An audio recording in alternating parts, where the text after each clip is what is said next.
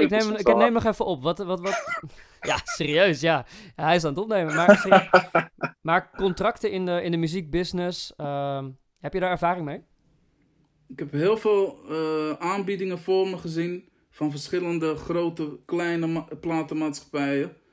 Maar uh, ja, wat ze dan bieden is 10 of 15 procent van een nummer. Terwijl ik alles heb gemaakt. Ik heb de muziek gemaakt, ik heb de tekst geschreven, ik heb het zelf ingezongen. En dan willen ze je maar 15% geven. Dat vind ik niet kunnen, man. Nee, precies. Dus in die zin is eigen beheer eigenlijk beter. Alleen is het bereik dan soms minder groot, omdat je minder ja, kan bouwen op de kennis bijvoorbeeld van, van platenlabels zoals Universal of uh, noem maar op. Ja, ik heb wel in de, in, de, in de loop der jaren heb ik wel gezien hoe ze dat doen, man. Veel labels werken gewoon met een persbureau. En uh, je moet eigenlijk eerst ervoor zorgen dat je een soort hype om je artiest heen bouwt. Dat hij gewoon veel in de media komt, veel bij tv-programma's zit en meepraat of spelletjesprogramma's. En als je eenmaal die achterban hebt opgebouwd, hoef je alleen maar een persbericht, uh, persbericht uit te laten sturen door zo'n bureau. En dan wordt dat opgepikt door de media. En daar koppel je dan je nieuwe single aan. Precies. En dan wellicht uh, hè, het imago wat jij in dat laatste programma bijvoorbeeld hebt. Stel je hebt het bij Jinek de hele tijd over discriminatie.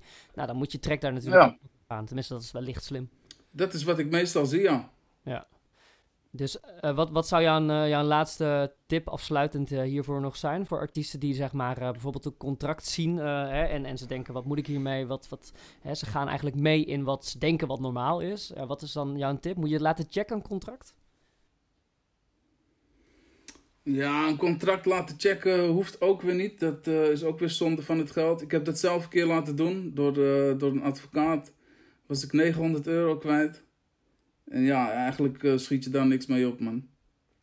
Maar als je gewoon zelf uh, de kleine lettertjes goed leest, dan uh, weet je ook gewoon wat er staat. En dan moet je gewoon kiezen van doe ik het wel of niet. Ik denk zelf dat artiesten gewoon ehm, ja, eerst eigen muziek moeten uitbrengen in eigen beheer. En daarna kunnen ze alsnog bij een groter label tekenen. Maar dan zou ik dat eerder doen om, om je merk nog groter te maken. Ja, waardoor je ook uiteindelijk een hoger percentage kan vragen. Hè? Want je ziet vaak dat artiesten worden afgekocht, zeg maar, dat de rechten worden afgekocht. En dat vervolgens zij gewoon, nou ja, uh, puur een afkoopbedrag krijgen. Hè? Dat zie je veel in de jingles, maar... Niet eens een afkoopbedrag.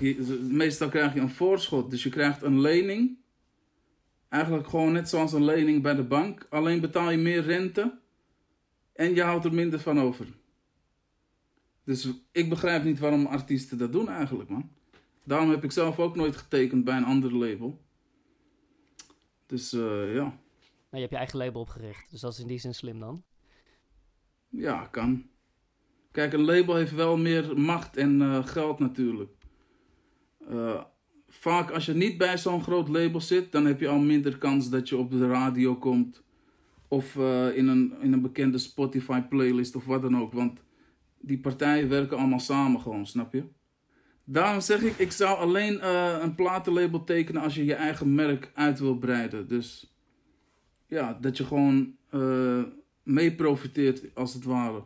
Zij, verdienen dan geld aan je muziek. Pak jij je dan aan de achterkant via je optredens en uh, bij reclames of wat dan ook.